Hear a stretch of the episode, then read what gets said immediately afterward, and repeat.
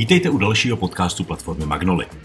Dnes naše pozvání přijal muž, který stál před 30 lety u zrodu vůbec první české poradenské společnosti MC Triton. Manažer, ale zejména coach, mentor a spisovatel Pavel Vosoba.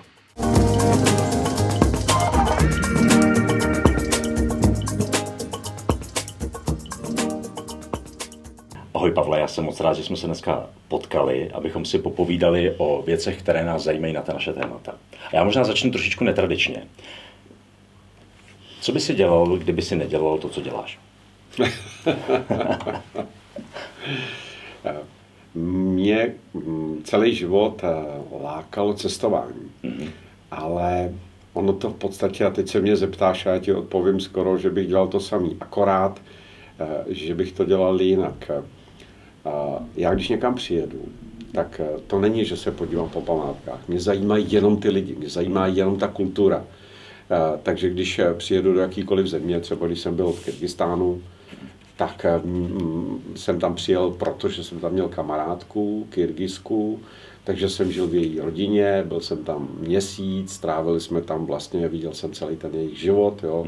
Neskutečně neskutečně mě to přitahovalo.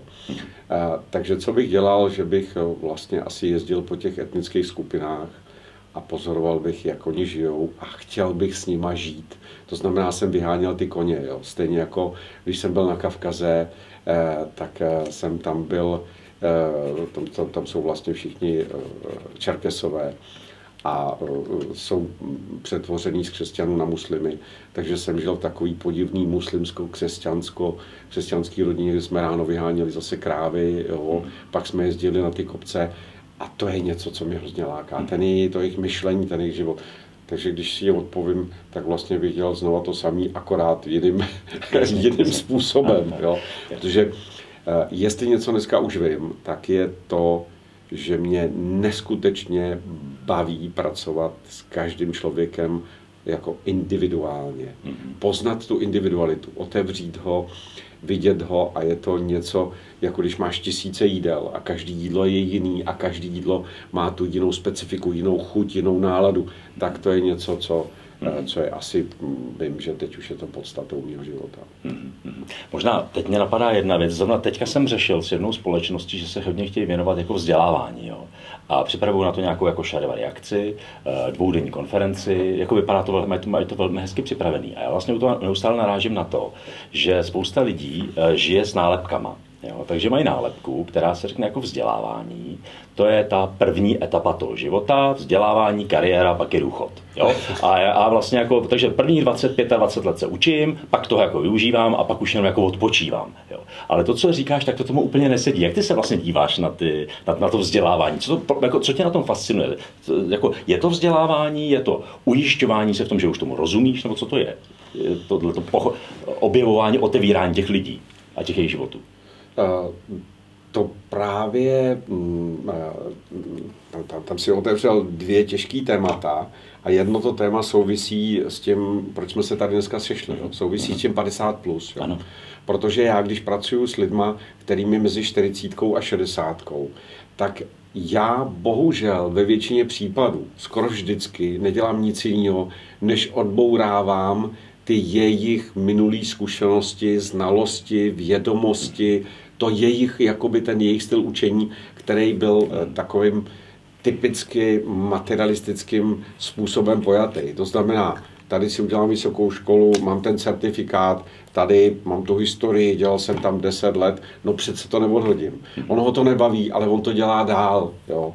Eh, on to dělá 10 let, on to dělá 20 let a když se ho potom 50 ptám, a děláš to rád? Nikdy jsem to nedělal rád, ale musel jsem chodit do práce. Eh, takže ty lidi si pletou eh, učení se, a teď když bych řekl to, tu podstatu, eh, já když, když se mě ptají, tak mě něco nauč a já říkám, já ti v tom můžu pomoct, ale učit se musíš sám, vždycky.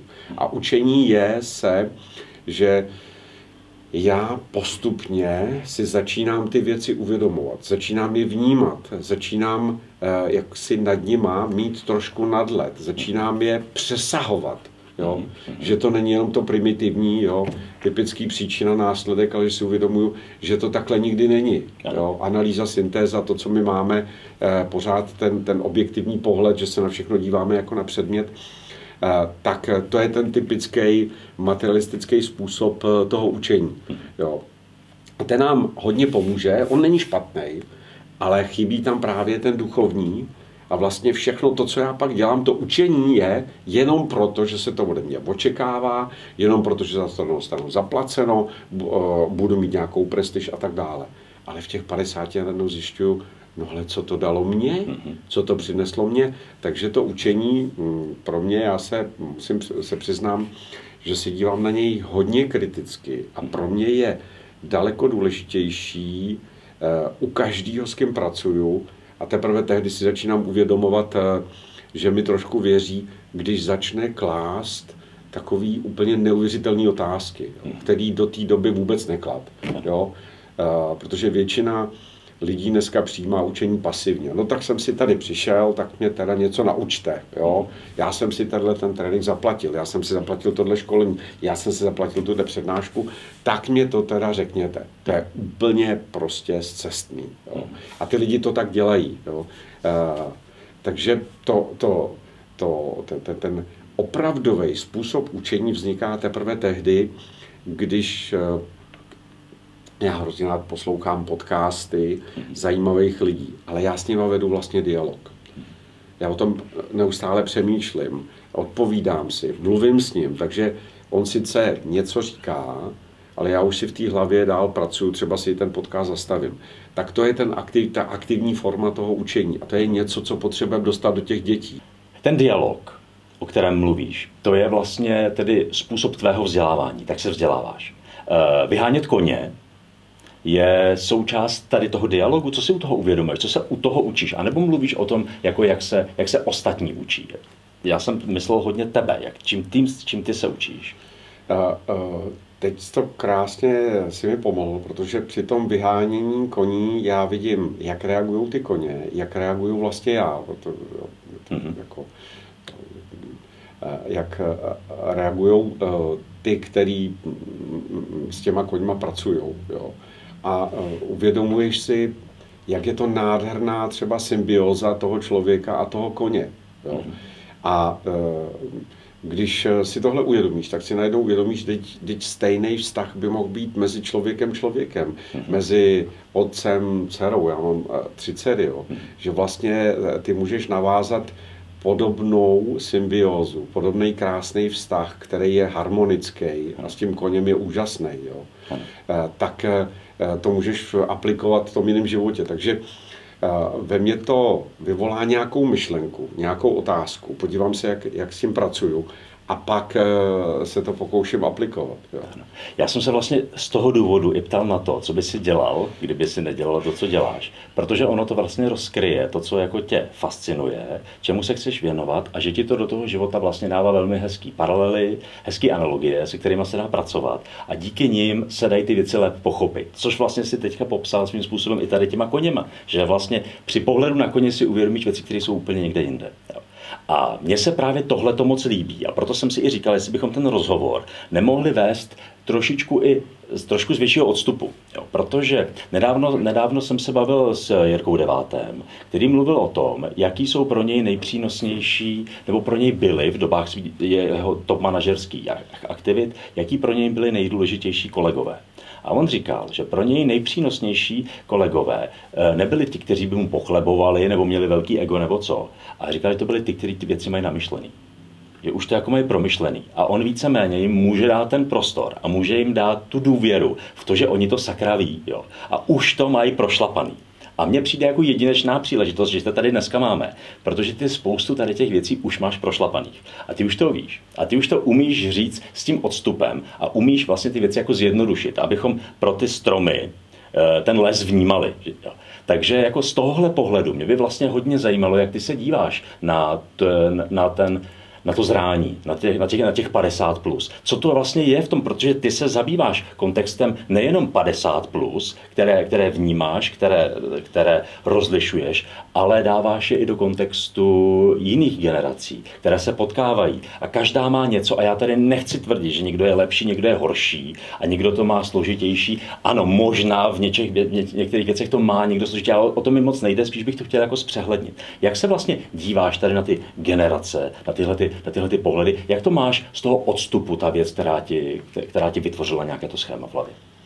Eh, hm, tam je jedna věc, kterou eh, bych potřeboval říct, že eh, já to, co mám navnímaný a odžitý, tak je daný tou mojí mentalitou, tím vlastním kořenem. To znamená, to je něco, co vychází ze mě. A to, co můžu předat, tak si ten člověk stejně musí znova schroustat. Jo? Musí si to zpracovat a musí říct, jestli taky jemu to vyhovuje, protože tím, že se potkávám opravdu se stovkama lidí a mentalitama a národama jo? a vždycky ten základ je přijmout, je takový, jaký jsou, tak si uvědomuju, jak jakýkoliv moje zobecněné doporučení můžou úplně své cesty a někde jsou naprosto nepoužitelné. Hmm. Takže je těžký říct, eh, že já něco vím a můžu předat. To, co já dneska umím, je spíš eh, ty lidi eh, být jako jejich průvodcem. A tam, když vidím, že tohle, na tom je postavený ten jejich kořen, tak vlastně to posilo. Já to uvedu na příkladu. Jo? Mám Eh, ředitele hm, jedné velké banky a ten ředitel mi říká, hele, já bych potřeboval být tvrdší, přísnější, autoritativnější prostě. A já to nedokážu. Já celý život jsem takový submisivní, jak, jako těm lidem naslouchám, komunikuju s nima, jo. Mám pocit, že mě někdy i zneužívají a tak, a tak dále. Jo. A a v tu chvíli mě přesně to cvaklo a říkám, ale jsi úspěšný. Ta banka je velice úspěšná. Já, když se bavím s těma tvýma lidma, tak ty lidi mezi sebou mají moc pěkný vztahy, mají spolupráci. A, takže proč bys to měl stavět na něčem, co ti není vlastní? Mm-hmm. Takže ta první rada je, že najít to, co je mi nejvlastnější, tak je pravděpodobně ta cesta, ve který já se budu cítit dobře a ve který i, i v tomhle materiálním, materiálním světě budu úspěšný. Jo? Mm-hmm. Tak, takže já mu říkám, neměň to, eh, jenom to budeme rozvíjet. Mm-hmm. A tyhle ty věci, to si člověk uvědomuje celý život. Eh, právě ten, ten to, je, to je krásný, co říkáš, že on se dostane do takového do takových vytáček, jo, eh, jakmile skončí, ať už ta eh, střední škola, nebo vysoká škola, nebo učiliště, to je jedno, tak ten člověk se dostane do toho soukolí, do toho nekonečného boje o ten žovanec, o to, aby vůbec mohl přežít, o to, aby mohl zaplatit ty eh, všechny faktury a poplatky a nevím co všechno. Takže on najednou jakoby se úplně ztratí a e, přestane si uvědomovat sama sebe, začne se neustále srovnávat, šablonovat, jo, e, více rovnat a dělá vlastně to, co se po něm chce, až se ztratí úplně. No jo, ale najednou přijde ten 40. a ten 50. věk a většina z těch lidí najednou si řekne, a to je všechno? A to je jako, teď teda víceméně mám všechno, byl, měl bych být šťastný, ale já jsem víc naštvaný. A tam začíná to, že on e, začíná chápat, že se věnoval tomu, aby všechno kolem sebe měl, to, co potřebuje k životu, ale že se přestal věnovat sám sobě. A teď teprve kolem té padesátky přichází ten moment, to odlehčení, No a teď se musím podívat taky sám na sebe, proč vlastně teda tady jsem. Teď už to mám trochu zajištěný, no tak bych se měl začít eh, podle toho chovat. Tak uh jakou to má jenom, jakou to má soustažnost s tou krizi středního věku a tak dále? To je jako důsledek toho, nebo jak je to s tím spojený? Je, to, to, to je velmi silně spojený, protože hmm. každého z nás tehle ten moment dříve nebo později dostihne. Jo?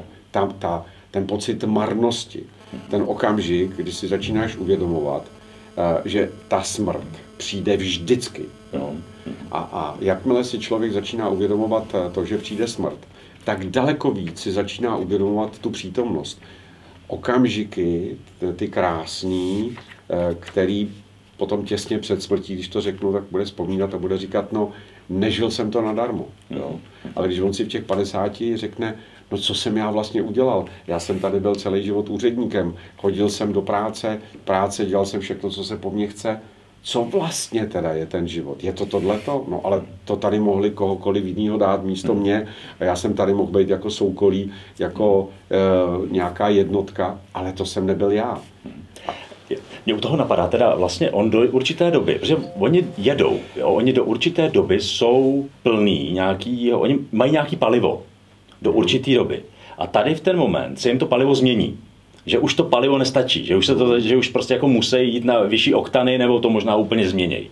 Co to jsou ty paliva? Co jsou ty paliva v té třeba, já nevím, jestli se ten život pracovní dá rozdělit do dvou, do dvou částí, nebo jestli je tam jedna ta jako honím se, honím se, honím se až do momentu, kdy si uvědomím, jako že vlastně už jedu na výpary a že potřebuji dotankovat něco jiného. Kolik je? Kolik je těch, těch, těch momentů? Dalo by se říct, jsou dva, jich víc? Ty, ty to krásně jakoby uh, ukazuješ, že ta společnost dneska nejvíc oceňuje výkon. Mm-hmm. Jo? Mm-hmm. A ten výkon je zběsilej. A je jasný, mm-hmm. že výkon ve stylu 30-letého kluka, který bude programovat, nebo 25-letého, 50-letý v žádném případě nezvládne. Ano. Jo? A, a to palivo, o kterém ty mluvíš, tak tam je jeden zajímavý moment. Jediný, a to je teďka podle, podle, podle, podle mě, jo, jediný, v čem to palivo uh, vlastně můžeš doplnit nebo vyměnit, je, že ten 25-letý nikdy nebude umět pracovat se vztahama mm-hmm. tak dobře jako ten 50-letý. Nikdy nebude mít ty zkušenosti s tou lidskou psychikou, s komunikací, spoluprací, s lidma. Mm-hmm. To je jediná věc, která se nedá tak rychle mm-hmm. naučit a já v ní nemůžu být rychlejší. Jo? Proto jim vždycky říkám, učte se pracovat s lidma, protože vždycky je budete potřebovat. A teď eh, k, k tomu, k té další jednoduché radě, která opravdu se může zobecnit. Jestliže k 50 si nemůžete říct, na koho se obrátíte, když budete potřebovat práci, peníze, pomoc, radu, tak jste zatím nepracovali moc dobře na sobě. Mm-hmm. Tak jste pracovali jenom na těch výdobicích té společnosti, odevzdali jste se jí tak to musíte teďka dohnat. Jo? A, a všimni si často, že ty 50-letý kluci najednou začínají telefonovat kamarádům, najednou začínají společně jezdit zase na kola. A už to není o tom, co ty mi dáš a já dám tobě a ten je mi užitečný a ten mi není užitečný, ale začínáš si uvědomovat, že ten vztahový rámec s těma lidma je nekonečně důležitý. Vlastně je nejdůležitější na všem. Všechno ostatní, když tady budu sám, tak mě k ničemu není. Proč se na to přichází až v tomhle věku? Eh, ono eh, je, je to takový, že eh, ten začátek, celá ta škola je postavená na tom, aby tě připravili jako kolečko do té do společnosti. Mm-hmm. Takže oni tě vlastně od té první třídy, a teď znovu se vracíme trošku k dětem, drtí v tom, že když mi ta paní učitelka říká osobo, eh, ty nemáš co přemýšlet, ty se máš učit, což je úplný nesmysl. Ale takhle je to postavený. To znamená, my je připravujeme, aby měli ty dobré znalosti, dovednosti, zkušenosti, aby byli připravení na tu praxi, aby se tam uplatnili, aby byli konkurenceschopní, takový ty, ty, ty bláboli. No tak ten člověk eh, dostane do sebe tu společenskou potřebu a to ego. A to ego ho valí jenom v tom výkonu. A on se neustále srovnává. Jo? A to vidíš ve sportu, to vidíš v cílech, to vidíš ve firmách. Jo? A teď dáme to, dáme to, uděláme to, vyhrajeme, budeme větší, získáme víc peněz a tak dále. A vlastně je to, eh, já bych řekl, že eh, mm, ty lidi se dostanou do takového vnitřního eh, napětí, jo, až takového, hm, eh, jako kdyby si si trošku šňupnul. Jo? Mhm. Pro ně je to droga, mhm. pro ně je to euforie, každý vítězství je euforie. Je to to palivo, na to jedou. Je to to palivo. Jo? Na to jedou. A jedou na to, mm-hmm. že takhle tě ta společnost bude oceňovat a ona tě oslavuje v tu chvíli, opěvuje a tak dále. Jo? No jo, jenže v těch 40, v těch 50 ty už víš, že to je tak strašně krátkodobý a že musíš furt ty výkony potvrzovat. A že to asi už ztrácí tu logiku. Ano. Ale když už samozřejmě jsi trochu zabezpečený, tak tam to začínáš vidět jinak. Takže ono to chvíli trvá a e, většině z nás e, to trvá opravdu těch 20-30 let, než se probereme z toho, že ta škola nás naučila bláboli, že ta společnost nás neustále tlačí do toho, abychom se chovali nějak, tak najednou řekneš, tak moment, jo, je to hezký. Ale teď jsem tady vlastně já jako jedinečná, neopakovatelná bytost. bytost. A já říkám jako dokonalá bytost, protože to nelze skopírovat. A já si chci teďka uvědomit, jaký ten smysl teda v tom životě, v životě mám. A tohle ty lidi se dostane do toho, do té krize středního věku. Jo. Takže vlastně palivo ego se nám přehodí na palivo nějakých vztahů, možná nějakých hodnot, Přesně tak. Přesně, velice krásný. Že vlastně mě už dál posouvají ty hodnoty mm-hmm. a že já už nervu z té společnosti uh, to, co potřebuju a někteří jsou schopní lhát, krást, jo, mm-hmm. cokoliv předvádět a jenom, aby vlastně se zabezpečili, mm-hmm. tak tady najednou si uvědomuju, že já té společnosti chci něco dát. Chci po sobě něco zanechat. Chci nechat nějakou stopu. To kolem těch 50 potká každýho. A pak jsou tam vlastně, teď bych to hrozně nedat jako e, e, převed do dvou černobílých vztahů, ale vnímám tam jakoby dvě skupiny. Jedna skupina, víš to, mně je to jedno, jo, já to dotáhnu do důchodu a já si budu užívat, nevím co, ale dobře, jo.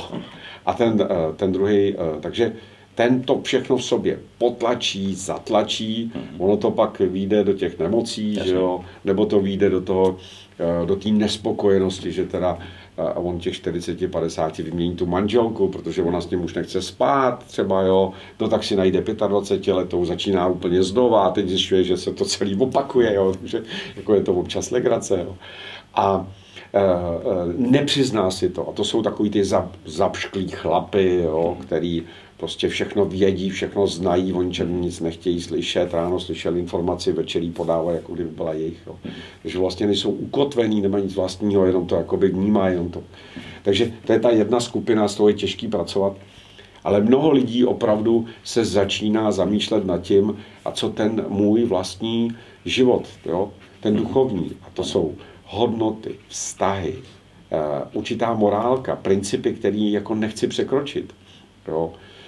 Eh, napravení třeba kolikrát těch vztahů. Jo? Eh, otec, eh, syn, jo? matka, dcera, to je jedno. Ty lidi začínají si spoustu věcí uvědomovat, vracejí se k těm chybám a kolikrát vidím, že ty chyby chtějí napravovat, ať už dobře nebo špatně. To, co říkáš, vlastně je takovým skoro až archetypálním pohledem na ty starý moudrý krále. Jo. A teďka já kdybych dával vedle sebe vlastně ty, ty ten boj za tím egem, ale možná i za tím zabezpečením, za tím materiálem, toto první honění té první části. A vedle toho potom dám někoho, kdo se jako uvědomuje. Tady tak, jako přijde mi, že to je skoro jak nějaký takový ten rozumný, ten se do toho vstupuje. Teďka, když tady ty dvě skupiny vezmu, toho, toho Jiříka nebo Honzu, který bojuje s tím drakem, a potom toho krále, který už jako ví, co a jak jak se potkávají v práci? Jak se mají potkat v práci a kde je vlastně e, má ten, kdo už prošel tady tím být tím králem? Má být manažer, má být, má být tím lídrem? Nebo e, má být, e, jak, jak, jak, jak tyhle ty dvě věci, o kterých mluvíš, tyhle ty dva pohledy, tyhle ty dvě paliva vedle sebe, jak je dávat do práce, jak je dávat do toho pracovního, pracovního života do těch firm? Jak s tím pracovat? Mm, když bych Hmm. Mohl, opravdu mohl, a ono je to hrozně těžký, 25-letýmu člověku říct, eh, když jdeš do té práce, tak nesmíš zapomenout jednu jedinou věc. I kdyby se stalo cokoliv, tak prosím tě, drž si ji a pracuj na ní celý život. Tak je, že nikdy nevezmi člověka druhýho jako objekt, jako předmět tvýho zájmu. Jo to se ti vždycky nakonec vymstí. Krátkodobě určitě můžeš zvítězit, zneužít, využít toho druhého člověka, jo, vymačknout z něj, jo, ať už v pozici majitele, nebo nadřízeného, nebo jakkoliv, nebo okrást. Jo. To všechno můžeš.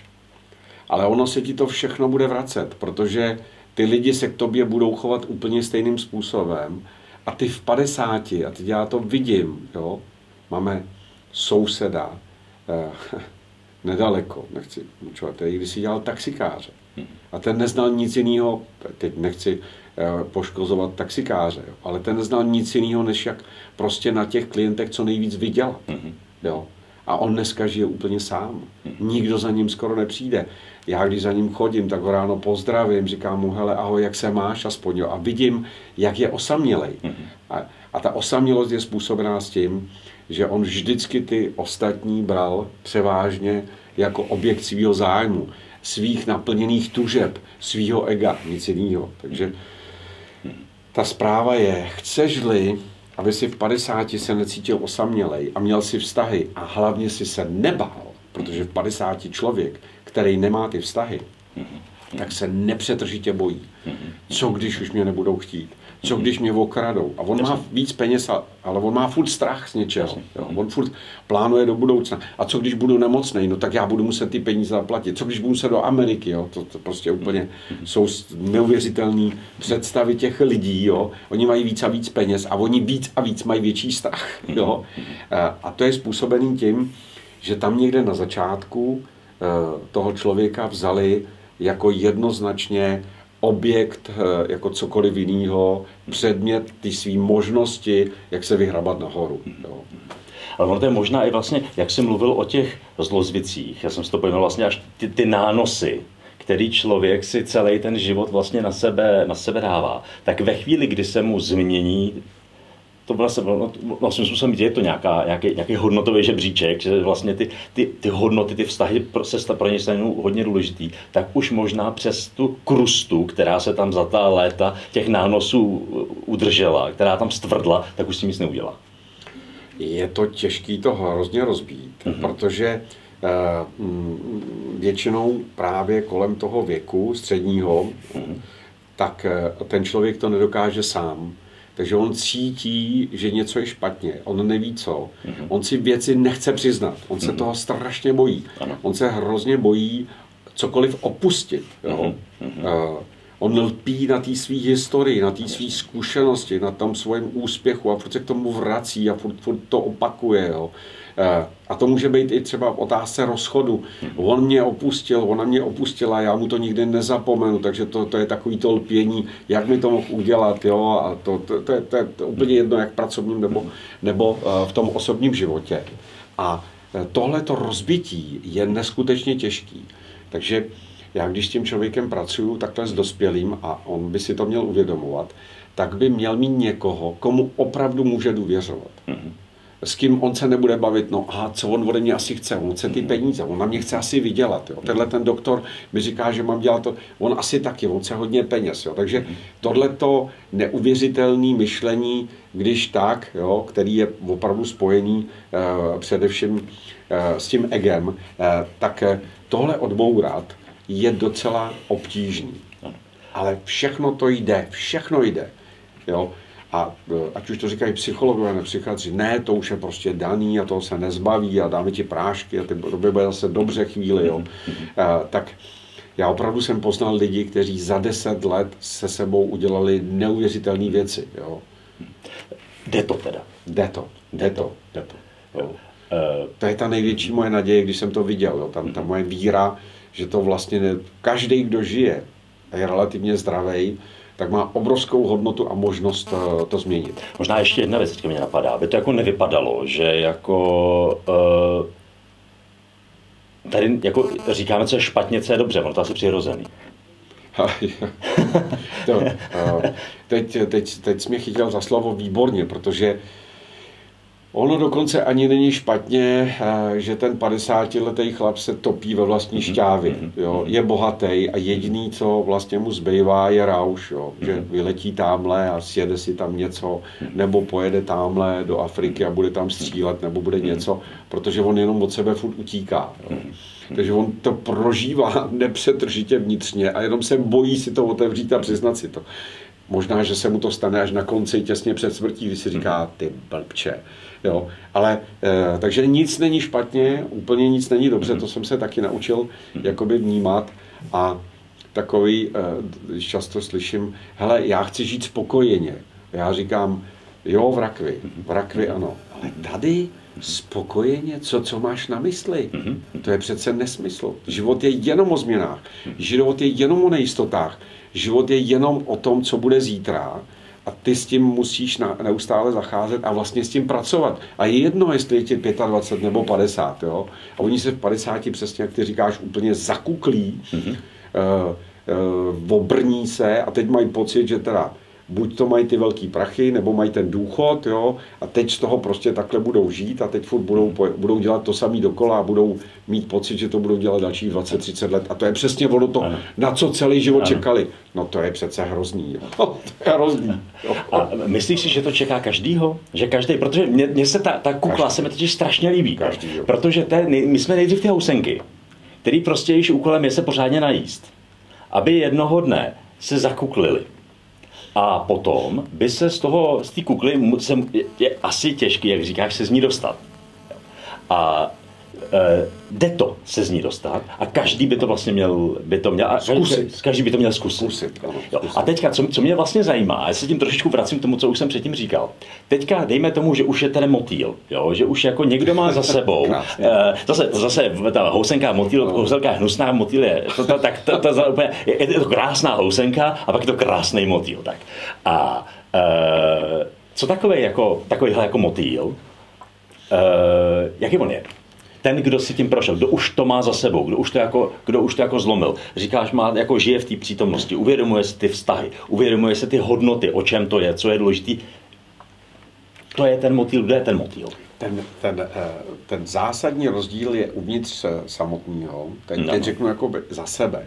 Jo, eh, ono to není takový, že ten motýl vyletí, on furt na sobě musí pracovat, protože ty, co jsme dostali do výjimku těch šablon je tolik, mm-hmm. že si je uvědomuješ denodenně. Mm-hmm. Jo? Jasně. Ale postupně se ti, jak se ti rozevírají, tak si uvědomuješ čím dál víc a snadnější a snadněji se ti je uvolňuje. Uh, jo, ale to, to zásadní, co, co, co přišlo s tím, když já jsem si to jakoby poprvé, po druhý, po třetí začal uvědomovat, tak nastoupil obrovský vnitřní klid. Nebyl pořád, mm-hmm. ale ten se začínal zvětšovat. To znamená, uh, vlastně ty docházíš do takové vnitřní pohody, eh, kdy to okolí eh, už není s tím, to, jak, by, jak by řekl, tím kolištěm, jo? Mhm, tím místem toho souboje. Ano ale místem, který je nádherný. Jo?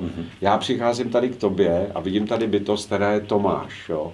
Já s ním nemusím soupeřit a já naopak eh, se ho vnímám, jak on to má pojatý, jak on to vede, jo? jak on to říká. A vlastně z každého toho člověka, z každého toho místa najednou v ten vnitřní klid dává možnost to přijmout teďka, tady, to, to, to zpřítomnění, protože ty lidi si říkají, žij teď a tady, to jsou takový, hmm. taky jasně, trošku fámy, jasně. ale to zpřítomnění je, že já najednou můžu věnovat veškerou svoji pozornost, hmm. ne na sebe. Podívejte se, já jsem takovej a bacha, ty mi chceš ublížit a ty mě chceš hmm. okrást a, a tobě zalžu a tobě to ukážu takhle. A teď furt neustále takhle to mám v hlavě, je to hrozný, jo. A vůči rodině, vůči dětem se přetvařuju, vůči...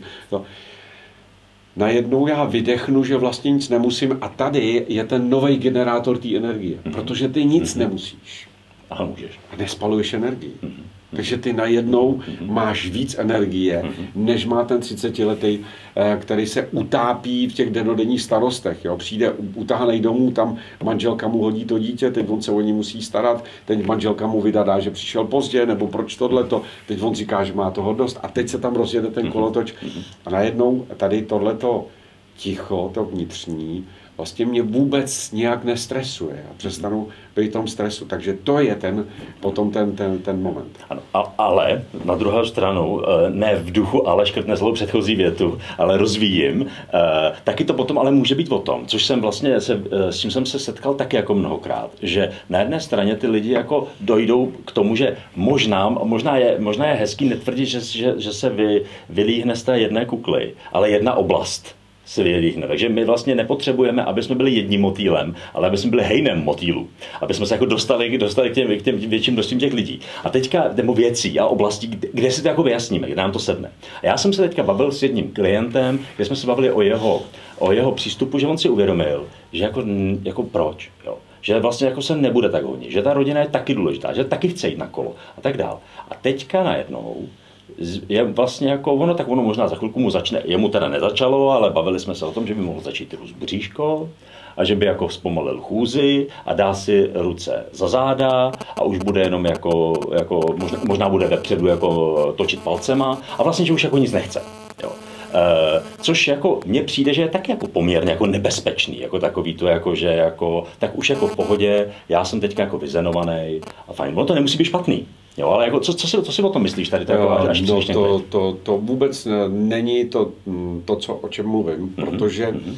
to je jenom přehození z činností, který musím, mm-hmm. jo, mm-hmm. a, kte, a, a na činnosti, kterým je přináší prožitek. Jo. Mm-hmm. A já si budu užívat to, mm-hmm. prožívat něco. Jo. Mm-hmm. Ale v podstatě je to úplně stejně otravný. Jo. Mm-hmm. A, když to nemá tu podstatu, o který ty teďka mluvíš. Jo. A, mně je 63, ale v životě jsem neměl silnější vize, vlastní představy. Eh, a, a ty představy jsou hodně konkrétní, kam vlastně to směřuju, co chci a veškerý to moje bytí a hnutí a co dělám, k tomu směřuje. A je to strašně jednoduchý. Protože všechno ostatní, já teď to přeženu, beru hákem. Prostě to beru hákem. To není pro mě podstatný. Takže ty najednou se věnuješ opravdu tomu, co ti je bytostně vlastní, kam směřuješ. Když bych to řekl mm, materialisticky, nebo když bych to řekl strategicky, mám jasno v těch prioritách, mám jasno v tom v té vizi, mám jasno v tom poslání, ale to jsou takový strašně frázovitý už dneska slova. Jo. Eh, ale to směřování najednou tě tak vnitřně uklidní, že to není o tom, jestli budu mít eh, víc těch zážitků. Jo. Eh, tak jak já musím ještě cestovat. Nemusím. Eh, já můžu zůstat úplně dneska už doma. Jo? Já můžu zůstat s knihou. Já můžu dělat jenom denodenní věci. Ale to hlavní je vevnitř tobě, že to směřování víš, kam je. A každý den si vlastně vedeš ten dialog. A co jsi dneska pro to udělal? Kdo si řekl, a já nevím, nakolik je to pravda, protože byl jsem smrti jednou, jednou blízko, ale eh, kdo si řekl, Eh, že mm, smrt je taková, jakou si zasloužíš. Jo? Hmm. A, mm, takže v těch posledních okamžicích vlastně, co ten člověk prožívá, a teď nemyslím jako ty bolesti, to je strašný, jo, ale v ten okamžik už té smrti, tak asi tam zažívá eh, strašně zajímavé věci, které se vracejí k tomu, eh, jestli ten svůj život naplnil nebo nenaplnil. Hmm. Jo. A většina lidí si právě myslí, že to obelže. Hmm. Že ten okamžik že to vlastně nic není, jo? že skončila ta hmotná stránka a tím pádem já neexistuju. Jo? No to tak není. Jo? Tam naopak nejvíc bude to duchovno. Tam nejvíc bude ta naše osobnost, ať už to nazveme eh, duše nebo eh, nějaký tady to vědomí, to je jedno. Ta tam bude nejsilnější. Protože ta fyzická bolest a to všechno, to dříve nebo později pomine. Ale tohle tam zůstane. To, a to bude mnohem silnější než, než to, co je. Když se na to teďka podívám a vezmu to jako velmi z toho, z toho odstupu a začnu to možná házet trošku eh, do toho pragmatična, jo. Dejme tomu, že už jsme si tedy řekli, že se v tom životě prochází nějakými etapami, je tam vlastně, máme minimálně dvě maturity, jo, tu, tu, tu jednu ve škole, tu druhou, kdy se jako uvědomíme, že možná jsme to měli jako hozený, hozený, hozený blbě, že ta druhá škola života, prostě druhá zkouška života, prostě přichází mezi tím 40. a 50. rokem. A takže, takže už to víme. Jo? A teďka jako uh, vzlétáme výš, jako, ten, jako, jako nějaký ten travec nebo jako dron a díváme se na to z větší dálky. A teďka dejme tomu, že jsme jako ten, ten šéf té firmy, že jsme ten šachista, který jako ví a má tam různé ty figurky těch jednotlivých lidí. Tomu jednomu je 25, tomu druhému je 35, dalšímu je 45 a prožívá si zrovna teďka muka kuklení a dalšímu je 55. Jo? A pak tam má někomu, komu je 65, kdo už jako možná se může, jako, může, může těšit. A tady s tím odstupem, jak je dobré, co se jako uvědomovat, jako kdy, jak, jak s tím pracovat, jakou tu partii je vlastně dobré tady s tím hrát, jako vědomí toho, že od každého vlastně pochopení, každý je, no on je vlastně v této etapě, jo, tak to já asi, asi jako chápu. Eh, jak, co, ty etap, co si ty jednotlivé etapy toho života můžou navzájem dávat? To je krásný, to je opravdu krásný. Zajímavý je, že ještě, když mluvíš o těch kategoriích, tak jsem si všimnul, jak neuvěřitelní rozdíly jsou v těch, u těch jednotlivců v tom zrání. Mm-hmm. Jo. Jak to přemýšlení eh, jednoho člověka, který mu je 25, tak já se před ním skláním, protože eh, on je v něčem mnohem moudřejší než já a já to vůbec nechápu. Odkud jsi, odkud jsi k tomu přišel? Mm-hmm. Máš to v genech nebo, nebo ti to dali rodiče a ty jsi to přijal? Jo? To, to, je, to, je, to je nádhera. Jo? A, takže ono to ještě je složitější o tom, že do toho se vkládá každá ta individualita, každá ta osobnost a je potřeba pracovat s tou osobností. Tak, taky si všimni, že dneska děti se rodí třeba po třicíce, že jo. Chlapi se žení e, třeba kolem 35, klidně 40 mají první, první děti, jo, protože to zrání je opravdu, je, po, je, je opravdu rozdílný.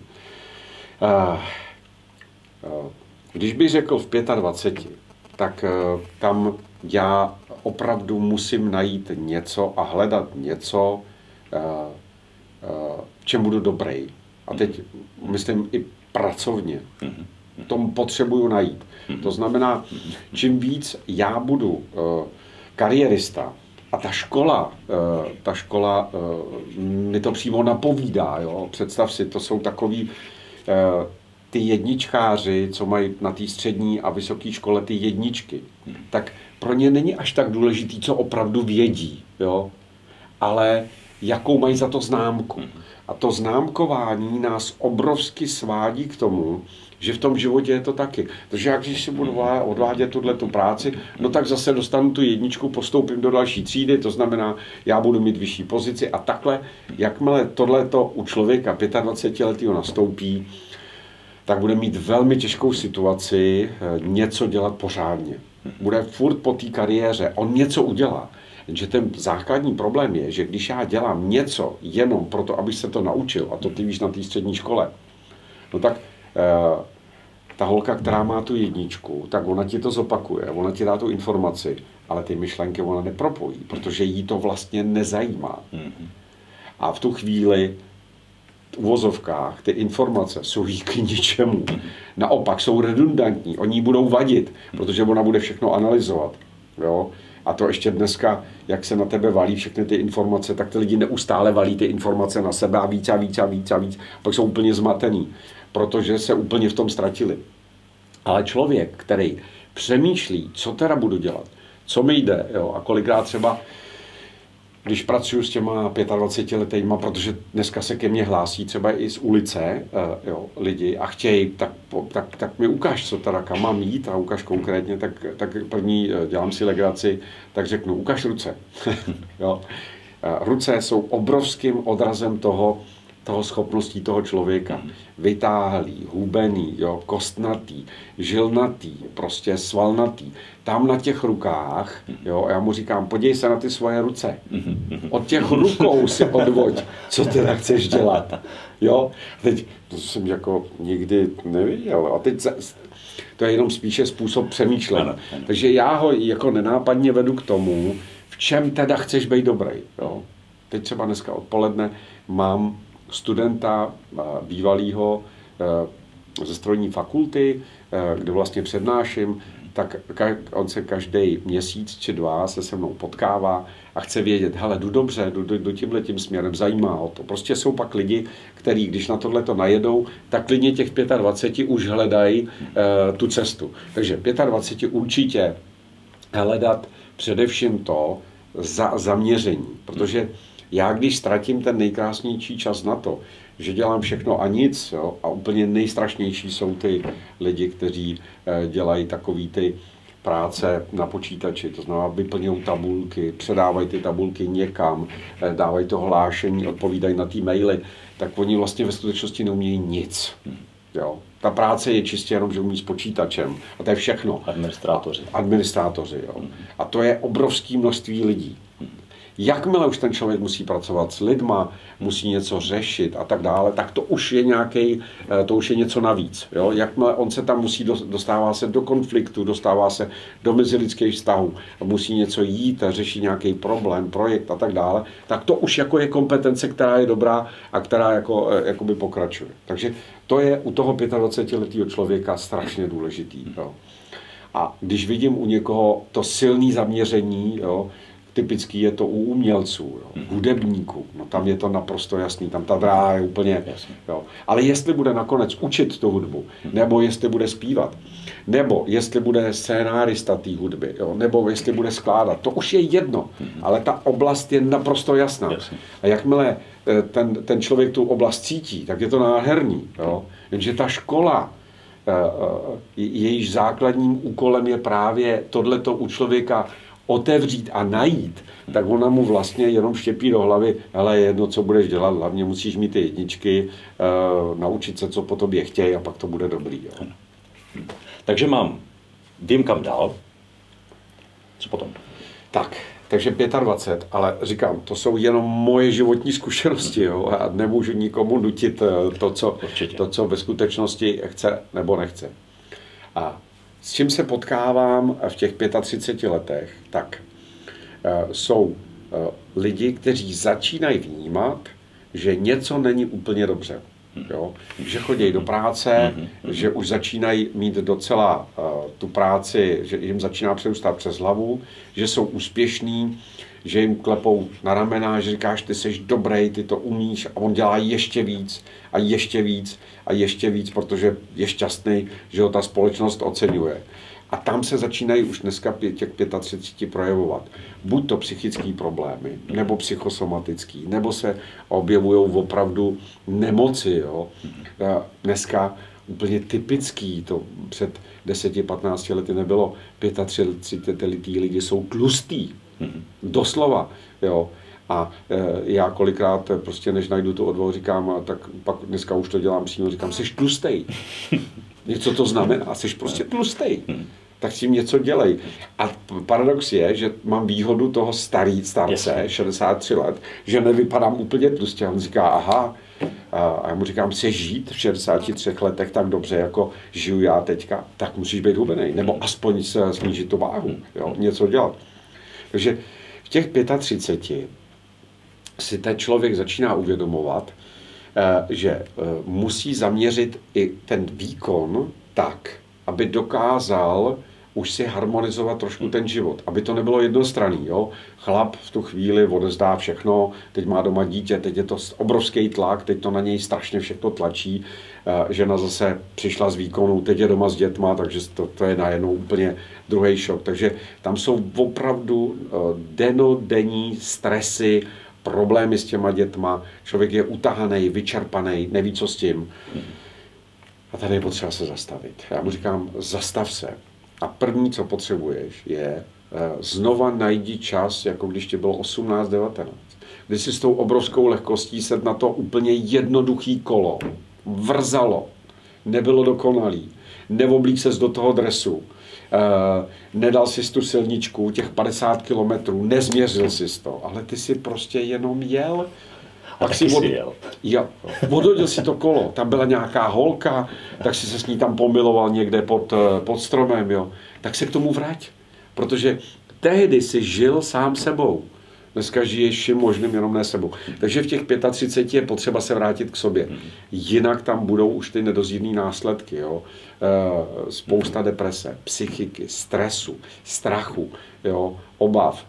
Vznikají tam potom z toho ty rozvody, vzájemné vztahy, boje, souboje, prostě všechno. Takže to je v těch 35. A e, tam já tehdy těm lidem říkám, e, hele, v 50 Eh, bys měl buď to našetřit tolik peněz, nebo se dobrat tak, že už nebudeš tolik makat. Tam už bys měl dělat především věci, které si opravdu ty vážíš.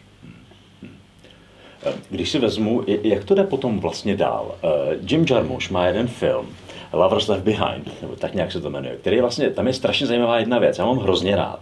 A je, jsou, je to o upírech, ale není to jako, je to, je to upírská love story o tom, jak jsou dva několik set let staří upíři a tím, jak už jsou staří, tak jsou nesmírným způsobem jako rozvinutí, jsou jako strašně kultivovaný. Jo. Mm. Prostě ona se věnuje knihám a má v nich ohromný přehled.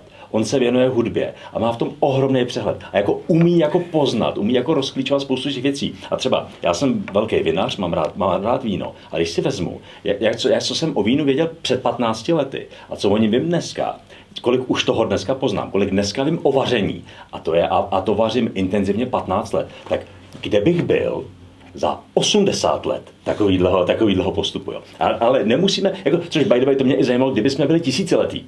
Jo? Jaký bychom byli? Jo? Kam by se to až jako vytříblo? Kam by se to vytříblo? Kdyby nám bylo 200, kdyby jsme se dožili 200, tak kde jsme ve 178 letech? Když budu mluvit za sebe, mi pouho pouhých 63 let, já si uvědomuji, jak je to mladý věk. No, ještě, ještě 115 no. let. no, ano, ano. No. tak čím dál víc překračuju díky tomu, že vlastně já už nemám v sobě pochybnosti. Já věřím sám sobě, že jsem takový, jaký jsem a můžou všichni kolem mě se pokoušet eh, mi říkat, ty jsi takovej, ty jsi makový, tohle děláš špatně, tohle děláš dobře a ty by si měl, a ty nemáš ty hodnoty. O, já si to všechno s klidem poslechnu, ale v podstatě už mě to moc netrápí, protože uh, to, když mi říká ten druhý člověk, ten většinou říká ty problémy, který má on a ne já. Jo. Že my všichni chceme napravovat ty druhý. No, to, to umíme. A ono je to lepší, protože člověk na sebe vidí velice, velice, velice málo. Ale za sebe překračuju podstup, podstupně jednu tu hranici za druhou. Pálím je doslova. Jo. Nejdřív jsem eh, zbořil ty společenské konvence v sobě to neznamená, že je nectím, protože žiju v nějaké společnosti, ale sám sobě. Už je mám dávno zbouraný, shořený. A čím jdu, jdu dál, eh, tak a dřív jsem se bál a říkám, no ale tady, ty tady už seš na, hrani, na hranici blázna. Jo? Moje žena mi říká, hele, teď eh, ty, eh, prosím tě, ty, ty můžeš, teď sebe může být za, za chvíli schizofrenik. Jo? A já říkám, no ale to je krásný. Takže já se nebojím už dneska jít kamkoliv dál. A já tam vidím uh, obrovský rozměry toho, že my umíme věci, o kterých vůbec ještě dneska nevíme. Já si je zkouším, ale nikomu o tom nepotřebuji říkat. Už nikoho nemusím o ničem přesvědčovat, nemusím nikomu nic dokazovat. Takže při těch eh, 180 letech ten člověk je tak strašně daleko, že on vlastně jenom si hledá partnera, se kterým by o tom mohl diskutovat. A to jediný může způsobit, že on se v těch 180 cítí tak osamělý, eh, že už vlastně kromě vnitřního dialogu nemůže vést eh, s někým dialog. A eh, může udělat dvě věci. Buď to začne vést dialog s vesmírem, což většinou už dneska ty lidi, kteří překonají určitý ty věci, tak ho začnou vést na, na, tý, na tom, na tom vyšším levelu. Eh, a nebo ten člověk v těch 180 úplně v klidu řekne, už je čas. Už je čas a já potřebuji odejít. Třeba tohle, to, to o čem teďka mluvím, je nádherný téma, který zpracovávám v tom třetím dílu dokonal, dokonalého života. Mhm. Jo. Ten, mm, ten třetí díl se jmenuje Zrození a vlastně celý se odehrává v jeskyni. Mhm. Jo. Ta jeskyně je vlastně osobnost tam se objevují další osobnosti, kdy si ten člověk vlastně prožívá ten dlouhý život, který může, protože je mimo čas. A najednou zjišťuje, že to asi není úplně ono, že potřebuje vždycky nějak tancovat. Tak přeháním, že to teďka do té trošku malinko do té ezoteritiky, ale prakticky můžu říct, že jakmile překonám ty bariéry těch společenských konvencí, tak ten život se stává neskutečně atraktivním. Ale tak atraktivním, že si to, že, že úplně jsem fascinovaný, protože najednou jdeš do té hloubky a furt vlastně, to je nekonečný a je to nádherný. Takže asi takhle, zatím. Skvěle. Uh, zmínil jsi psaní. Proč píšeš? To je posedlost. Tam není už nic jiného. Tam uh, ani není to, že bych musel psát pro někoho To je prostě posedlost. Je pravdou, že teď jsem eh, napsal vlastně na, na objednávku uh, detektivní pohádkový příběh, který se jmenuje Časohrádky, mm-hmm. ale to bylo na objednávku mojí dcery, mm-hmm. který když bylo šest, jo, mm-hmm. tak uh, já jsem si vymýšlel pohádky mm-hmm. a jí se hrozně líbily a chtěla, abych to jednou sepsal. Mm-hmm. Tak jsem to sepsal do pohádkového detektivního příběhu a já jsem jako malý kluk miloval pohádky, to u nás, jo. Akorát, že ty pohádky naše, český, jsou nádherný, ale oni v sobě skrývají obrovské množství nástrah, jo. A ty nástrahy jsou, že my se potom snažíme žít podle ideologie těch pohádek. Jo? pravda, a, pravda a, a láska a dobro a, a, a, a lež a, ta, a, jo, a vítězí a Honza jo, a už jenom ten Honza, že nás vždycky osvobodí, jo. Hmm. Přitom krásná ta písnička, jo, e, o šípkový růžence, jo. E, nesmíš věřit pohádkám, musíš tam mít sám. Ta, ona tam pořád ještě spí, to za tebe nikdo neudělá. To je tak nádherná mm. jakoby zpráva k těm pohádkám. To, ten dovětek tam chybí, ale to nejsiš Honza, ty jsi dokoliv. Uh, tak uh, psaní je, je obrovská posedlost a já píšu vlastně dvojím způsobem. Mm jednak píšu v hlavě, to znamená, že vlastně se mi neustále eh, se mi přemýšlí v těch různých tóninách, tam vidím, co tam jako chci a pak eh, to vlastně dávám na ten papír. A buď to se mi to daří, nebo se mi to nedaří. Jo. A, a, a od čeho k čemu? Jsi se teďka, máš za sebou řadu knih. Uh, jaký je tam rozvoj? Jako, jaký tam máš ten, teď, mě teďka nechci matematicky zkoumat trend, ale jako u něčeho si začal a k něčemu postupně jako, jako, jako směřuješ. Já jsem původně myslel, když jsi říkal, že to je detektivní pohádka, jakože je to o zjednodušování těch příběhů, protože vlastně příběh řekne nejvíc, že vlastně je to nejpřirozenější a dá se to do toho hezky zakomponovat, ale tím, že je to na objednávku, tak jsi mi to trošku rozbil. Takže... Ano, ano, ano, ano. Samozřejmě ten původ byl na objednávku, ale výsledek je, že jsem to vlastně uchopil a že pro mě se to stalo neskutečně blízkým. Jo? Mm-hmm. Že uh, jsem si jako trošku splatil dluh uh, vůči těm Eh, českým pohádkám, kde jsem říkal, už je potřeba zlomit některé ty představy o, tý, o těch pohádkách. Jo? Mm-hmm. Takže vlastně tam se prolíná uh, ta současnost, uh, reálná realita, s tou, s tou fantazí a, a vlastně nikde není řečeno, kde je ta hranice. Takže vlastně ten čtenář ani, ale ani vlastně neví, kdy ta hranice, kdy překročil. Jo? Jsou tam ty, ty pravdy, ty, když bych řekl, takový uh, ty moudra, jo, ke kterým já jsem nějak dospěl, tak jsou tam skrytý, jo, jsou tam jenom naznačený, nejsou jakoby, uh, jo, a zase dobro zvítězilo, takže, uh, a to je něco, teď když se ptáš o těch knih, tak ten posun je pro mě obrovský. Ta první kniha uh, byla opravdu vždycky nějaký nějaký konkrétní téma, který mě zaujalo a k tomu jsem stvořil ten příběh, ať už částečně pravdivý, částečně eh, vykonstruovaný. Jenže pak se mi, to byla ta první knížka, ten dokonalý život tam. A tam najednou na konci té knížky, kdy už to mělo mít konec, tak se mi doslova zvrtlo pero. A najednou uh, už jsem nepsal jakoby úplně vědomně, ale tušil jsem, že teď bych měl napsat něco, co bude mít daleko vyšší a hlubší význam a začal jsem psát ten druhý díl. A to je krásný. A po napsání tom druhém dílu, tak ty lidé říkají, někteří říkají, hele, ten první díl je super, ten se dobře čte a ten, ten přečtu hmm. rychle a říkám, no nazdar, to je hrozný, to je prostě pro mě ta nejhorší zpráva. a ty druhý říkají, ne, ten první díl, to je škvára, ten druhý díl teprve, to jako, to si musím přečíst několikrát a to mě jakoby, takže jdeš neustále do hloubky, hloubky toho myšlení a uvědomuješ si současně, že pro toho čtenáře je to čím dál víc jakoby eh, tajemství, který on musí odhalit. Ale ne každý ho chce. Jakmile to chce prvoplánově, může si přečíst první díl. Když to nechce prvoplánově, tak je to druhý. A ten třetí díl to, to už je opravdu pro mě hloubka, kdy já chci jít do nějaký třeba druhý, třetí vlastní úrovně, kde sám uh, mám vykolený oči, protože nevím, jak to vůbec vzniklo. A vlastně ta třetí kniha se mi úplně láme pod rukama. Tam už jako je to úplně jiný dialog eh, s tím prostředím, s tím, co tam vidím. Každá ta postava najednou žije, všechno najednou ožívá před tebou. Ale to je, že se mi podařilo díky tomu psaní se otevřít. Takže Pavel, který by nenapsal knihy, uh, by byl jaký? Byl daleko uh, asi ploší. Ploší. Mnohem ploší. Jo. Ten vnitřní dialog, který jsem nastartoval tou první knihou, přešel tý druhý a vlastně pochopíš tolik věcí tím vnitřním dialogem, že sebou mluvíš, protože to není nic jiného než dialog sám se sebou. Tak to je... No. Tam je ještě pikantnost, že teď, jak píšu ten třetí díl, tak celý ten třetí díl, a to mě teda teď se přiznám, že mě inspirovala Rowlingová, mm-hmm. že on je celý ještě inspirovaný uh, tím pohádkovým příběhem těch časohrátek. Mm-hmm. Takže on jakoby na to nějakým způsobem ještě navazuje, takže to tam jakoby kombinuje. Mm-hmm.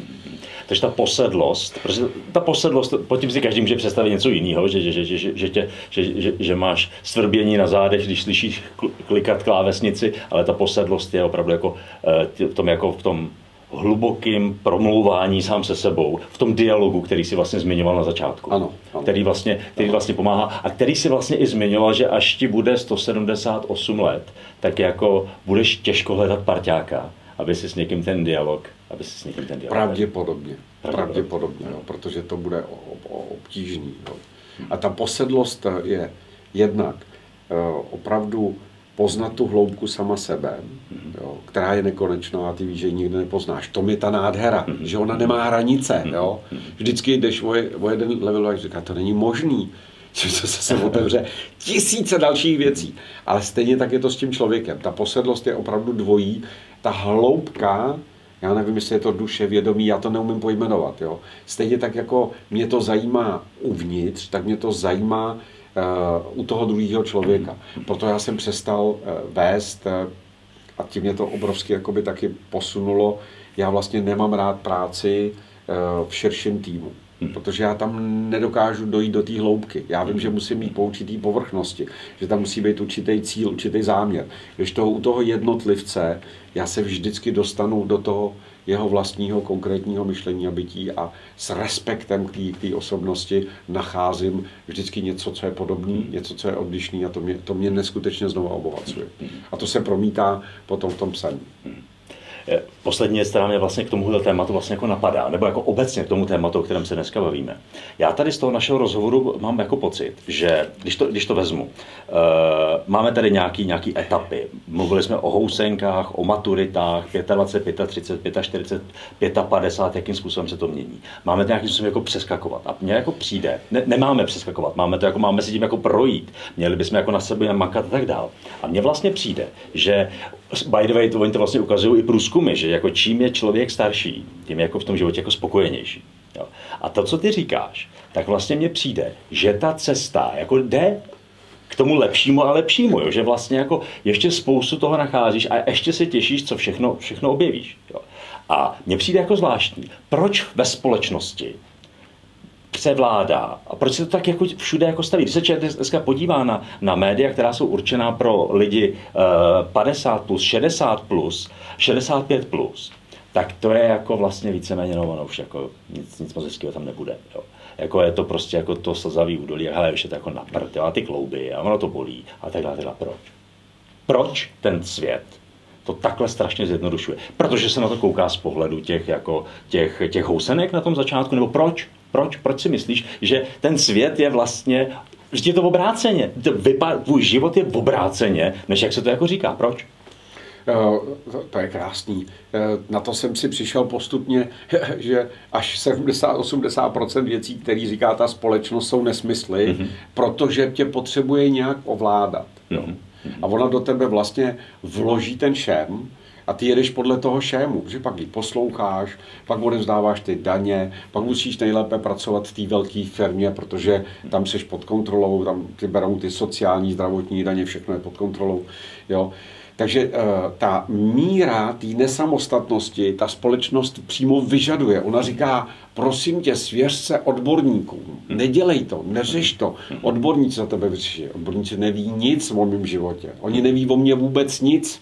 Já jdu s 89-letou uh, maminkou uh, na kontrolu. Ten doktor se na ní nepodívá. On se dívá na ty přístroje a říká, jo, to je dobrý, ona má ten přístroj kardiostimulátor. A já říkám, tak se na ní podívejte. A já to tady vidím všechno. On vůbec, jeho nezajímá, jak se maminka cítí, jak vypadá, co si myslí. Nic ho nezajímá, jenom uh, ta analytika. A to znamená, že on ji zařadí do té škatulky. A to škatulkování je proto, aby si dobře, eh, teďka řeknu, jednoduše řídil společnost, tak je nezbytný dnešním způsobem, protože uh, když chceš být v elitě a chceš vydělávat ty prachy a chceš mít tu moc, tak potřebuješ, aby tam byl ten tupej národ. Jo? A ten můžeš oblbovat a dneska je to teda úžasný, dneska se oblbuje nádherně, jo? To, tě, to, to oblbování je silnější a silnější, že jo? ty lidi jsou vlastně víc a víc zmatený, takže oni potom jednají impulzivně. Jo? Ale ten pocit, který si nabil, je naprosto správný. Jo? Uh, I kdybych já celý svět odmít, že to dělá blbě, ale byl si jistý v sám sobě, je to perfektní. Protože já nežiju se světem, já žiju ve světě.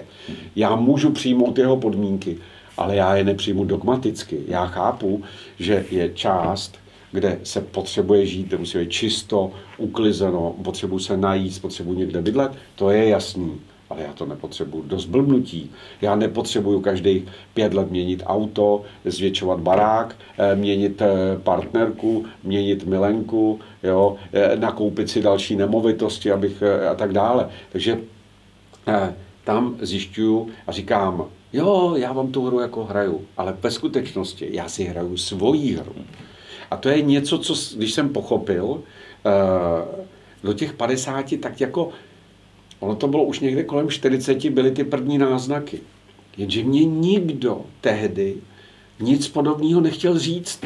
Tehdy jako kdyby vůbec nebyli lidi, kteří všichni mě říkali, hele, máš dobrou práci, ty to děláš, ty seš dobrý a tak dále, jo. A e, nikdo, nebylo s kým se o tom bavit, neměl jsem kolem sebe ty partnery, jo. Tak jsem začal hledat. Jo, a v podstatě vždycky nakonec skončíš e, buď to v historii, v literatuře, anebo nakonec ve filozofii. A nebo, nebo, nebo u Magnoli. Ano, krásný, ano, moc děkuju, moc děkuju. Ale Pavle, moc děkuju, Já moc děkuju, ano. bylo to velmi zajímavé a, a díky moc. Jo, děkuju, tak jo, hezký den. Hezký den. To byl další díl podcastu naší platformy Magnoli, která chce motivovat svět k většímu zájmu o opomíjené skupiny obyvatel a přinášet více rozmanitosti do života. Děkujeme za vaši pozornost a sledujte Magnoli Podcast i naše další aktivity.